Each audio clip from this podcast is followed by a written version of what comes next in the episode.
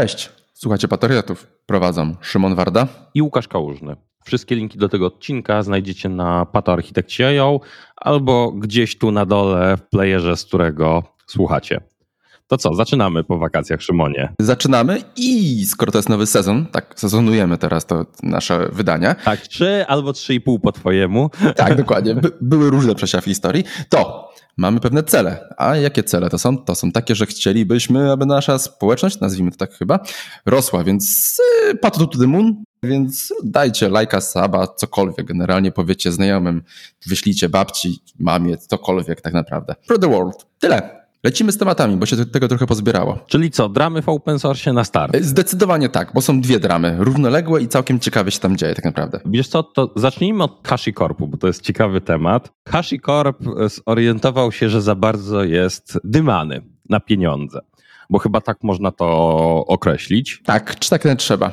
Tak, czyli jest grupa firm, która zaczęła budować rozwiązania sasowe wokół Terraforma, bo to głównie e, Terraforma i o to się opiera teraz cała drama. E, właśnie rozwiązania sasowe, które konkurują między innymi z Terraform Cloudem, jeżeli chodzi o sposób użycia e, samego Terraforma. A wtrąćmy, czym jest Terraform Cloud? To jest offering Terraforma, HashiCorpu właściwie, do przechowywania i zarządzania dostępem do pliku stanu Terraforma i który wcale nie jest taki tani. Tam chodziło chyba 7-9 dolarów za usera. Tak, albo za resource, y, godzino resource. Y, oczywiście jeszcze tam jest też możliwe CI/CD i inne takie elementy. Więc cała platforma. I to, co zrobił HashiCorp, to we wszystkich swoich produktach, zgodnie z tradycją z ostatnich lat, zmienił licencję na klasycznego, pięknego BSL-a i de facto z całej tej dramy, no i się teraz firmy, parę firm się oburzyło, oczywiście, które zarabiały na tym e, i podniesiono, że zbudują Open Terraforma, który będzie oddany do CNCF-u. Takie wielkie e, tutaj założenia. Kurde, i dla mnie to Szymon jest bullshit. A ja, bo mieliśmy o tym rozmowę nawet wcześniej, wczoraj. Dla mnie rozumiem HashiCorpa jak najbardziej, bo ta licencja BSL mówi, że możesz korzystać sobie z Terraforma, ale nie możesz tego produkcyjnie wykorzystywać, budować produktów i potem korzystać z niego produkcyjnie. I... Tak, licencja jest częściowo niejasna. Zgodzę się do jednego, że firmy muszą wyjaśnić bardziej licencję, kto jest integratorem, a kto jest konkurencją. Tak, i kto korzysta z tego tak naprawdę, na bazie czego budujesz. Czyli zresztą ja, dając jakiś dowolny produkt, korzystając z Terraforma, mogę, mogę z tego w ogóle korzystać, bo to jest takie trochę nawet, nawet yy, faku, którym opublikowali, no, taki nie do końca. Tak, że jeste, jesteś system integratorem, więc możesz tego używać. Ale, znaczy tak, więc rozumiemy potrzebę ich jak naprawdę, no bo nie oszukujmy się, z HashiCorpowych narzędzi sporo ludzi korzysta, mało kto korzysta z płatnych narzędzi. Tak, i druga sprawa, nikt nie chce być kolejnym dokerem. Tak, tylko, że Dockerem jest taka opcja, że ludzie już z tego korzystają, nie wyjdą z tego organizacji, więc płacą, bo no dobra, płaćmy. Ale tylko na desktopie, nikt nie płaci na serwerach. Zgadza się jak najbardziej. Więc rozumiemy. I teraz bullshit, że będzie Open Terraform. No wiesz co, w tej całej układance CNCF-owej rozumiem tak naprawdę to. Czy, czy uda mi się zbudować? Nie wiem, ale pasowałoby to i wydaje mi się, że gdyby, gdyby ten projekt się rozhulał, to HashiCorp będzie sam w rogu de facto. W sensie no, wprowadzić takiego w szachmata właściwie. Wiesz co, jest tak, pytanie, bo nikt dużo się pod tym nie podpisał. Żaden dostawca cloudowy się pod tym, poza jakimiś tam popierdółkami, które się nie liczą, nie podpisał. Ale ustawy nawet pod Terraformem dostawcy cloudowi się podpisują tak na zasadzie generalnie tak, eh, eh, jako tako by powiedzmy sobie. Chociaż wiesz, ale coraz częściej wspierają, wiesz. Cała zabawa, wiesz co, ja tak patrząc się na całość, bo y, mówimy, że kolejna drama. Zobacz, że z zmiany licencji Redisa, Elastica, Mongo, wszyscy się odgrażali z tymi forkami. Jedyny fork, który się udał, to był od MySQLa. To jest jedyny taki w przestrzeni ostatnich lat, to jest jedyny duży fork, który się e, udał po zmianie licencji, e, całych tych przejściach. Albo siedział za tym cały Facebook. Tak, raczej siedziała, siedziała moc sprawcza za tym, e, taka realna moc sprawcza, żeby pociągnąć to na w, w nową rzecz. Ale wiesz co, ale wydaje mi się, że jest różnica, no bo wiem, zrobić forka do bazy danych, do tak dalej, to, to, to jest skomplikowane. Terraform jako taki ta binarka ma tam 80-100 megabajtów? To nie jest duże. Wiesz co, nie jest duże, tylko jest teraz pytanie, czy jak będzie to, co rozmawialiśmy sobie wcześniej, więc przepraszamy, że tak wtrącamy, ale co będzie z Bo Terraform jako narzędzie walić, to jego siła polega w prowajderach. Prowajderach, ekosystemie, dokładnie tak, bo jest prosty. Wiesz, ja jestem teraz ciekaw, co będzie z ekosystemem, bo zobacz, że jest tak, część na przykład dużych firm patrzy na to, że będę korzystać z open source'u, ale powinien mieć możliwość wykupienia płatnego wsparcia. Mhm. I wiesz, z drugiej strony, co będzie z tymi głównymi dostawcami, którzy co będzie poza Kubernetesem, bo to będzie pewnie wspierane bez problemów, ale co będzie z innymi głównymi elementami, takimi właśnie jak GCP, AWS czy Microsoft. Zobacz, że GCP na przykład tylko pisze Terraform, Terraform, Terraform w swoich przykładach. Wiadomo, że ci duży dostawcy będą mieli wywalone. Oni powiedzą, że po prostu Terraform, bo nie będzie im się chciało i oni będą czekali na sam koniec, co się stanie wokół społeczności. Jeżeli Open Terraform, jeżeli okaże się, że jest więcej prowajderów, więcej zabawek, więcej ludzi się kręci wokół, wokół Terraforma, to oni wiedzą, że ok, to będziemy wspierali. Jeżeli nie, to po prostu oleją ten temat. Więc oni będą na samym końcu adopcji. Ale to, co rozmawialiśmy, to było to, czy, no bo ma, teraz są zmiany licencyjne, więc teraz czym może Terraform wygrać takim? To jest to, że, że prowadzi rzeczy niezgodne wstecznie, zmieni coś, jakieś feature'y, dalej, tak dalej. Ale to w tym momencie może się znowu zapędzić w kozi róg, bo będzie to samo może zrobić Open Terraform, że prowajdery będą niezgodne, to obetnie swój ekosystem. A wydaje mi się, że te wszystkie pozostałe prowajdery to będą tak bardziej w kierunku właśnie open source'owe, utrzymać przez społeczność, będą bardziej wokół OpenTF-a się kręciły mimo wszystko. No więc zobaczymy, jak to będzie wyglądało. Znaczy całość wrócimy za pół roku i sprawdzimy, jak to się czuje, bo coś ja, ja w kościach mam, że straci to momentum. Możliwe, wydaje mi się, że to się w ciągu pierwszych trzech, trzech miesięcy ogarnie tak naprawdę. Coś się będzie wokół tego działa. Raczej tak, powiedzmy, że nóż na gardle ma ten, ci od y, Terragranta mają, y, nóż na gardle, Space Lift i parę jeszcze innych takich produkcików. No, będzie się działo. Druga drama. Moku. To jest drama dotnetowa w sumie. Ja bym powiedział, że to jest drama finansowa tak naprawdę. To jest dotnetowa, ale, ale to się poruszyło dość szerzej. No o co chodziło? O to chodziło, że e, Moku zaczął wykorzystywać sponsor linka, który zamieszcza jakieś tam materiały reklamowe i który został wykorzystany do tego, żeby wstrzyknąć do Moku kawałek kodu, który skanował repa i wyciągał maile i wysyłał oczywiście te maile. Znaczy, wiesz co, tak, maile, może repa brał twojego ten, e, podsyłał, to jest bardzo ważne, twojego githubowego maila, że wykorzystujesz czy sponsorujesz, bo to, to też jest, że wyciąga maile, to było takie nadużycie powiedzmy, że tej osoby, która z tego korzysta i ma podpiętego ten e, i, i sprawdza twojego, twój githubowy login. Dla mnie to nie jest problem, cała ta drama nie jest problem Moku, bo Moku robi dobrze, no, chce mieć kasę na utrzymanie sporego projektu open source'owego, no z całym szacunkiem, no ale utrzymanie godziny kosztują. Będzie, że okej, okay, jak to się robiło, jak się było nastolatkiem albo na studiach, to miało się ten czas, a wraz z wiekiem tego czasu jest trochę mniej ludzie po prostu chcą mieć życie de facto i chcą mieć usunięcie, czemu to w ogóle robić. A jakoś nowi wchodzący nie, nie przyjmują tych projektów tak łatwo. Więc ja to w pełni rozumiem. To, że usługa, która pozwala na zarabiać na open source, nie zwalidowała, nie sprawdziła i ona dała ciała de facto, no sorry, początki po prostu. Czy wiesz co, raczej tam wiesz, patrząc się, całość jest taka, że dramcia jest z tego, że to wpadło niezapowiedziane. Tak. Brak komunikacji tu nawali, to się z tym zgodzę. To jest, wiesz, y, komunikacji. Można było to zrobić kulturalnie i powiedzieć, że od tego release'u koniec darmowego jedzonka, tak jak było to na przykład z Identity Serverem. Wydaje mi się, że Identity Server to naprawdę ładnie, ładnie ogarnął. Ogłosił, że od tego release'u koniec, chłopaki, macie czas albo wykupić się, albo zastanowić, co z tym zrobić. Starego już nie utrzymujemy. Bardzo taki clean cut, też mi się to podobało. Ale co mnie rozwaliło, czytając szczególnie komentarze wokół Issuesa na GitHubie, to była ilość ludzi, którzy zachowywała się jak, sorry, nastolatki na Twitterze, które protestują jakąś wolninę albo przewrót w Afryce a będziemy gotować. Ilość ludzi, którzy opisywała, ok, to jest straszne i będziemy teraz przerabiali całe nasze testy na inny framework do testowania. Rozumiem, tak, to nie było ładne, ale nie róbmy z tego dramy jak nastolatki, naprawdę. To się rozwiąże a przepisanie całego engine'u do testowania, całego testowania, to też jest sporo roboty tak naprawdę. To jest, to jest spory nakład. Osobiście wolę zrobić coś biznesowego bardziej i zobaczyć, jak to, się, jak to się rozwiąże. Podnoszenie temperatury wokół tego naprawdę nie ma żadnego sensu. Wiesz co, tak, dlatego ja się zgadzam z tym podejściem, że jesteś duży, to powinien być w licencji zapisane, że jako duży musisz wykupić licencję i koniec. I to jest w ogóle moim zdaniem przy open source jest to bardzo uczciwe rozwiązanie. I to jest ten model licencyjny dla Docker Desktopa de facto. Powyżej pewnego przychodu firmy, Co możesz sprawdzić w dokumentach? Tak, nawet Microsoft miał to Visual Studio, tym community na przykład, że jak twoja firma przekracza X, no to sorry, musisz kupować. Dużo było takich rozwiązań, które to zawierało. Jakiś ten, pojawiły się e, w Apache też takie zmiany licencyjne, commercial use, że jak jesteś duży i zarabiasz, to sorry, płać za to i tyle.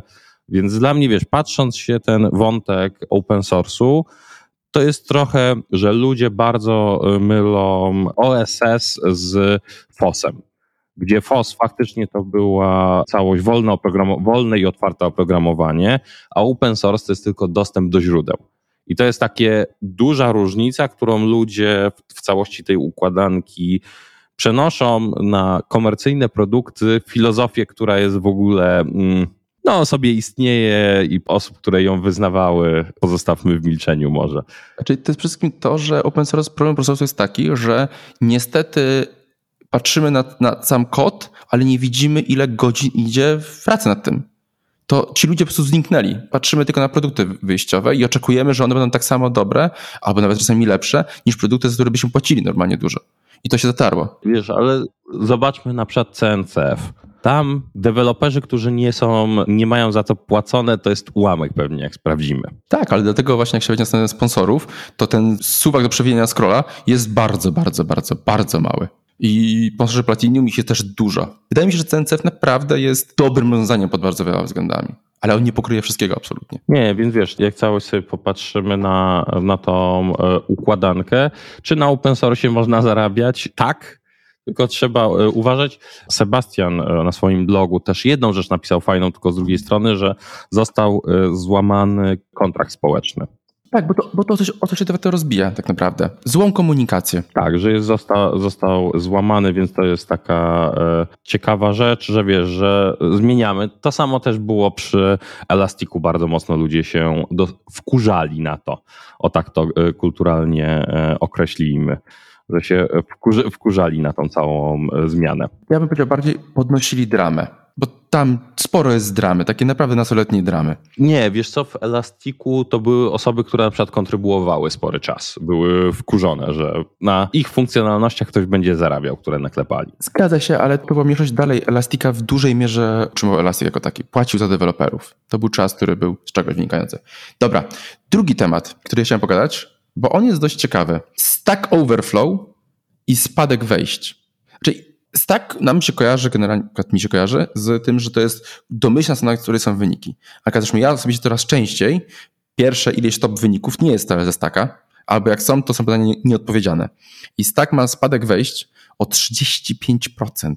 To jest absurdalnie wielka ilość. Do tego dochodziły jeszcze dawne artykuły o tego, że jest coraz mniej odpowiedzi, jest coraz większa społeczność, że jest coraz większa toksyczność społeczności itd. itp. Drugi Reddit zaczął się powoli tworzyć. Trochę tak, tylko że no właśnie e, Reddit domyślnie jest takim śmietnikiem wszystkiego, a w Staku jednak polegał główna baza wiedzy. I oni trochę, bo problem był taki, że kiedyś przecież Stack publikuje swój, swój cały, cały zbiór danych. Kiedyś problemem wejścia było to, że ok, ciężko było zbudować taki sam serwis i go tak samo wypromować, więc to była ta bariera do wejścia.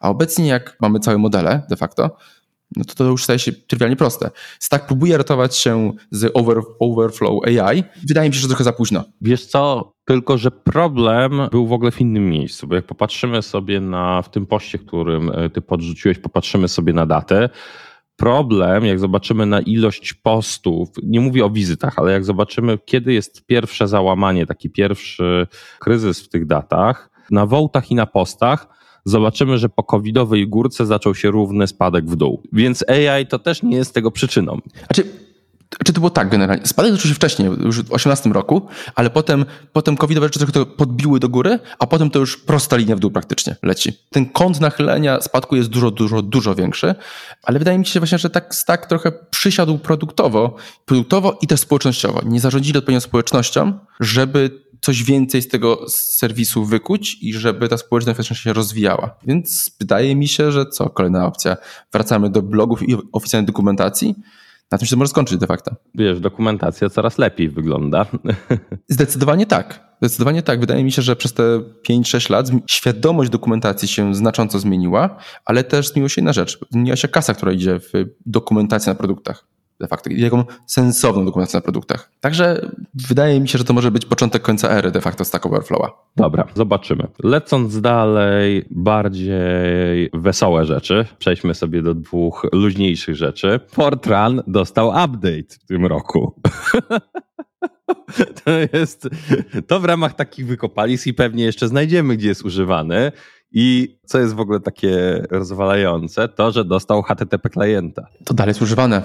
To dalej są systemy, których nikt nie widzi sensu przepisywania. Tak, ale wiesz, to jest takie Inaczej pamiętam, jak mi ciocia tłumaczyła, czym są karty perforowane, bo ona e, akurat była matematyczką na Polibudzie Gdańskiej i liczyła w latach tam 70., 70. albo 80. E, wytrzymałość statku, e, do kadłubów statków. Zajmowała się tymi obliczeniami, więc wtedy już to komputeryzowano, informatyzowano ten proces i opowiadała mi właśnie, że Fortran, tu są karty preformowane, żeby zaprogramować komputer, inne takie rzeczy. Trzymała to na pamiątkę.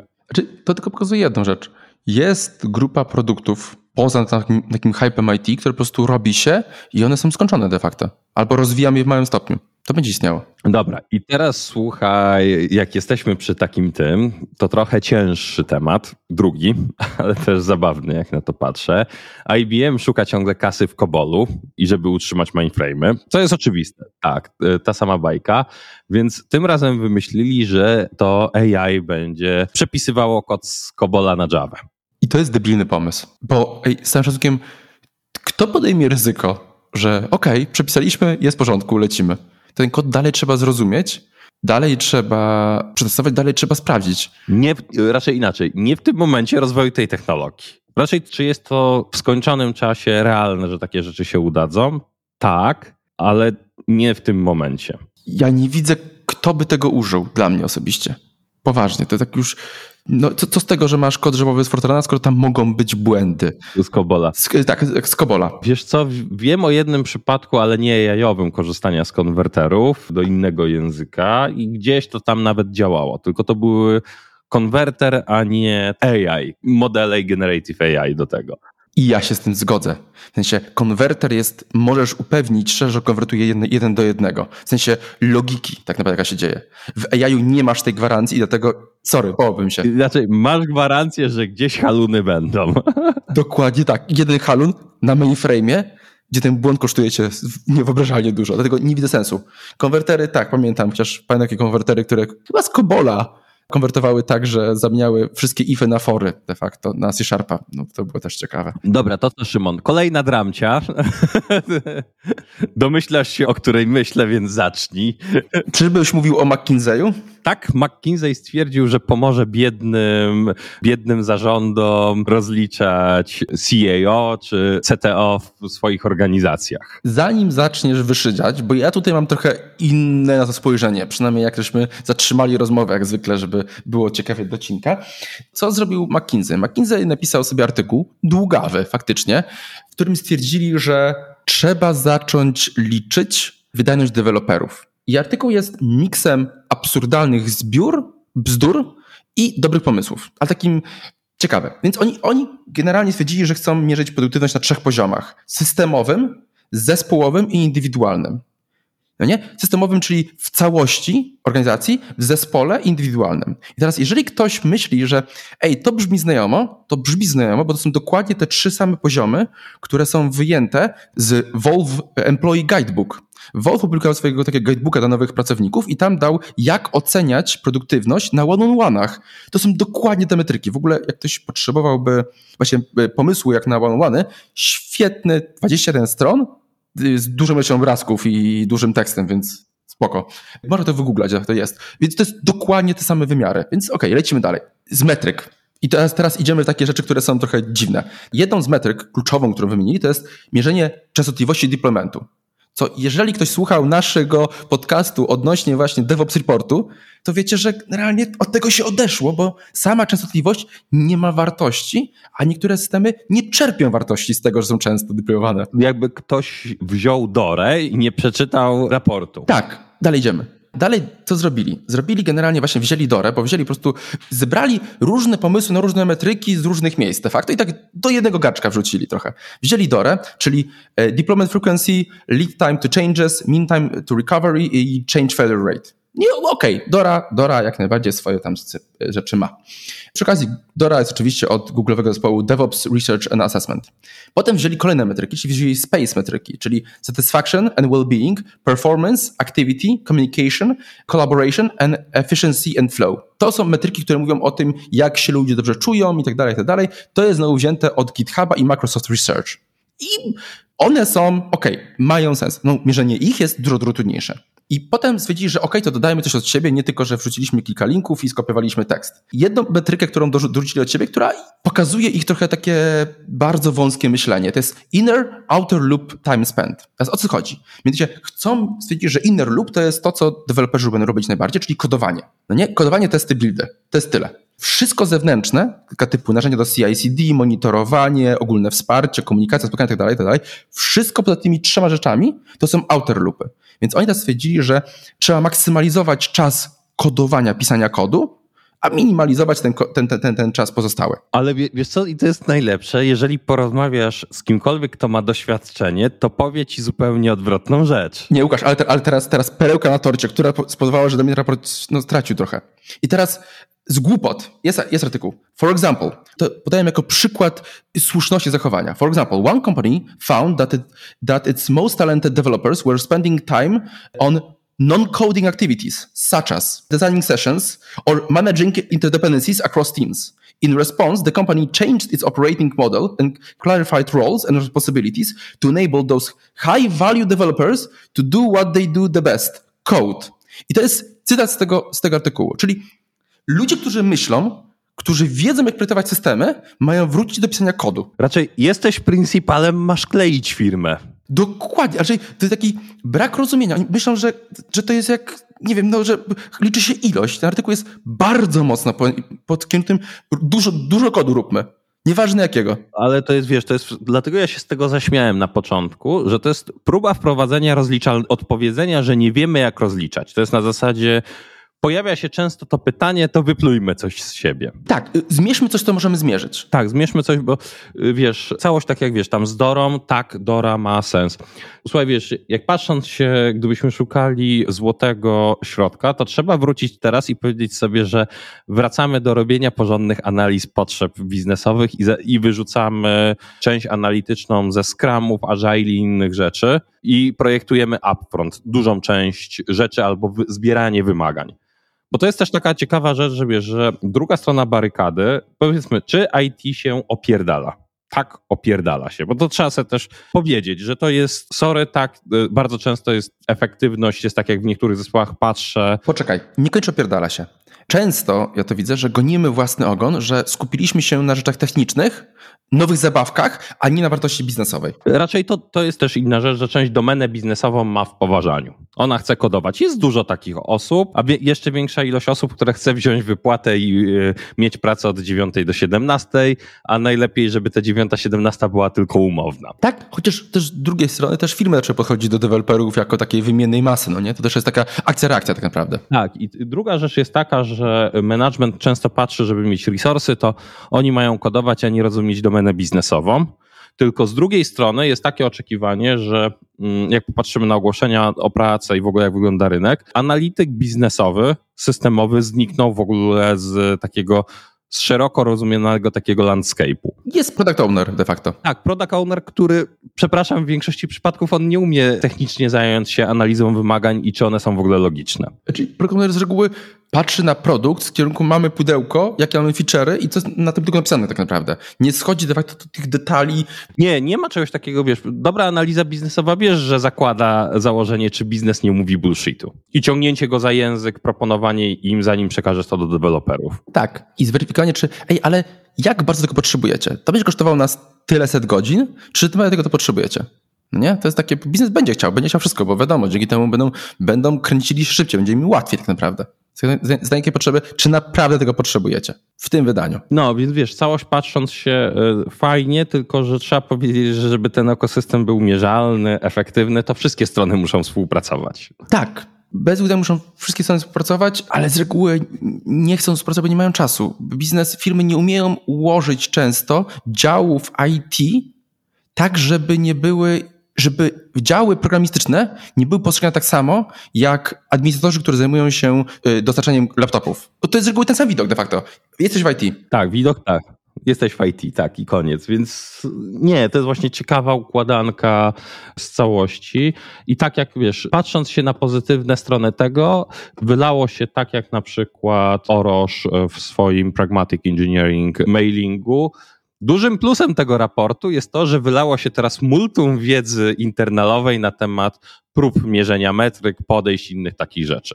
To jest największa zaleta tego raportu, że osoby, które lubią pisać, się wkurzyły i się dzielą wiedzą. I z dużych, dużych organizacji, gdzie to robione jest fajnie, znaczy podsumowując, co Orosz, co Orosz napisał, i dla mnie, dla mnie to jest najsensowniejsze tak naprawdę, on powiedział jedno, trzeba mierzyć impact. Trzeba mierzyć to, co dostarczyliśmy i jak, bo działy IT są, są dla większości firm działy IT są działy wsparcia. No nie? Więc impact, czyli mierzymy generalnie, jak pomogliśmy biznesowi się rozwinąć. Ale to wymaga kolaboracji. Ale tak, w każdej rzeczy jesteśmy w stanie powiedzieć, tak, inaczej, nawiąc robiąc jakiś system internalowy, jakąś sheet smart appę, w zależności jak to nazwie, jesteśmy w stanie powiedzieć, jak my pomagamy, co ulepszyliśmy. Tak. Znaczy, jeszcze powiem jedną rzecz generalnie, na co Orosz fajnie opowiedział. teraz, czemu jednak, mimo że tutaj trochę hejtujemy ten artykuł, mierzenie wydajności deweloperów jest konieczne. Bo jeżeli pójdziecie na jakikolwiek zarząd, na jakiekolwiek takie wysokie spotkanie i będzie rozliczanie poszczególnych działów, to marketing będzie się tłumaczył. Czasami z dupnych metryk, ale będzie podawał liczbę, będzie podawał co zrobił i tak dalej, tak dalej. Sprzedaż totalnie, jest totalnie kierowana liczbami i muszą się tłumaczyć ze wszystkiego. Mieli cele, co zrobili i tak dalej, tak dalej, tak dalej. I jeżeli czegoś nie dowieźli, to się tłumaczą. A potem wychodzi koleś od IT i mówi, no, zrobiliśmy feature A, feature B, żeśmy wdrożyli Mongo i w ogóle tego i Azure nas, bo to kosztuje nas tyle i tyle. I tam jest zero konkretów, praktycznie zero liczb i jest bardzo mało przewidywania. I nie mówię tego, że to jest wina tego, jak prowadzimy IT. To jest często tego, tego wina, jak one są umiejscowane, jak przedstawiamy, jak, jak mierzymy, tak dalej, tak. Ale dla większości firm to IT to jest takie, dobra, przestań o tym mówić, bo i tak nic z tego nie wyniknie de facto. No więc musimy coś zmienić w tym. Ja się zgodzę, że potrzeba jest jak najbardziej, ale McKinsey kompletny brak zrozumienia. Raczej wiesz, to jest też, pokazują różne komentarze e, efektów ich pracy potem e, w praktyce e, i całości. Ja bym powiedział jedną rzecz, bo żeby nie zostawić ludzi na zasadzie, na zasadzie że okej, okay, nic się nie da zrobić i tak dalej, tak dalej, tak dalej. No nie? Że tylko hejtujemy. Ja jestem wielkim fanem i to jest, chyba pokazuje najlepiej, jak to robi Google. Google miewa, niektóre rzeczy robi dobrze, dobrze, niektóre rzeczy robi źle, ale jak to robi Google? Jeżeli jesteś menedżerem w Google, najgorszym okresem, jaki możesz mieć, i wtedy siedzi się szalone po godzinę, to jest czas, kiedy masz podsumowania. Masz performance review. I wtedy jak to się dzieje? Ty oceniasz ludzi w swoim zespole, potem porównujesz to z innymi zespołami, potem porównujesz to jeszcze wyżej i jeszcze wyżej, jeszcze wyżej. Bo kto najlepiej wie, znaczy, to nie jest tak, że wszyscy wiemy, jak to się opieprza, wszyscy wiemy, jak to się jest genialne, to widać. To ludzie wiedzą de facto. I sprowadzanie tych ludzi do poszczególnych numerków tylko jest bez sensu. Więc ludzi trzeba użyć w kontekście relacji z innymi ludźmi, kto jest jak dobry i to no, jakąś drabinkę, jakoś, no cokolwiek generalnie, ale to porównanie jest relatywne tak naprawdę. Trochę e, ranking szachowy, jak popatrzymy. Ja upraszczam. Ja będzie taki bubble sorta. Tak, tak, bubble sort albo też. Całość. E, jest w ogóle cały dział, ja to zostawię, bo jest software engineering at Google jest sobie tak, taka książka, bardzo fajna. To nie jest bullshit, tylko prawda. E, to jest ważna, ważna e, rzecz. I tam jest cały taki duży rozdział, który się nazywa Measuring Engineering Productivity. To jest coś paradojnego. Ludzko. Sorry, nie ubierzemy tego numerki. Jeszcze z Google odnośnie, jak to mówimy, opublikowali stronę swego czasu, właśnie gdzie zrobili na bazie swoich eksperymentów właśnie jak w ogóle zarządzać ludźmi, do KPI, do bardzo, bardzo, bardzo wielu rzeczy właśnie. Rozmów, indywidualne podejście, też całkiem dobry zbiór, poparty badaniami naukowymi, eksperymentami, które przeprowadzali. I wysłaliśmy go w którymś linku, w którymś odcinku, pamiętam. Było to. Także może uda nam się to odszukać gdzieś. Więc z metryk polecam, bo to jest ładnie określone, tak naprawdę gole i signale w tej e, książce. To jest istotny tam element i zobaczycie, że są porównywalne, a nie mierzymy jakichś suchych liczb, tylko porównujemy. Tak, to będzie, to będzie, znaczy tego nie uciekniemy. No to, to będzie trudny proces, który trzeba robić raz na jakiś czas. Tyle. Nie uprościmy tej trudności. Tak, a punkciki ze skrama nic nie dadzą. Tak. Żałujcie, że nie widzicie miny Szymona po tym. Nie, no bo przechodziłem przez takie właśnie różne próby i to no, kończy się na jednym. Ja mam kilka rzeczy jeszcze odnośnie małe cieszy. Wyszło RFC odnośnie, małe też pierdołka, odnośnie publikowania, publikowania e, RFC, które proponuje jak publikować i jak ustandaryzować komunikaty błędu w requestach HTTP. RFC na to będzie? Jest na to RFC. Jest krótkie, jest zwięzłe, jest fajnie zrobione odnośnie komunik- pól z komunikatem błędu, jak jest wiele pól, jakich używać statusu HTTP, jakich używać HTTP message, jak je robić. Czyli nie ma 200 error? Tak, nie ma 200 error, ale w ogóle to jest fajnie, bo opisują jak w JSONie to w ogóle zwracać, jak to ma ładnie wyglądać. To jest jeszcze z przykładami naprawdę kawał do prostego, prostych rzeczy. Tak, zaproponowany standard. Ja ostatni taki link na dzisiaj z moich pierdół jeszcze. Jest fajne RCA po tym, jest fajne snapshotcik po awarii stanu, co się zadziało. Tutaj Firefish Social nie wiem, co to jest. Bardziej mnie zainteresowało, że wyskoczyło mi w kubernetesowych katastrofach. I tutaj y, ktoś zmienił katalogi w repo, bo używają podejścia GitOpsowego gdzieś tam na jakimś kubernetesie i zmienili katalogi nie przekonfigurując Argo. Więc co zrobiło Argo? Pokasowało. Między innymi bazy danych. To, że się ma GitOpsa, to znaczy, że jest lepiej i bezpiecznie. To znaczy, trzeba dalej myśleć. Trzeba myśleć nawet jeszcze bardziej. Tak, ciekawe. Okej. Okay. To taki ciekawy przypadek, krótki, wesoły opis, e, żeby zobaczyć w jaki sposób, co zrobili. O tak. Dobra, to kończymy. Tak naprawdę chyba. Kończymy. Trzymajcie się i do usłyszenia przez e, najbliższy rok z przerwą świąteczną. Na razie, hej. Hej.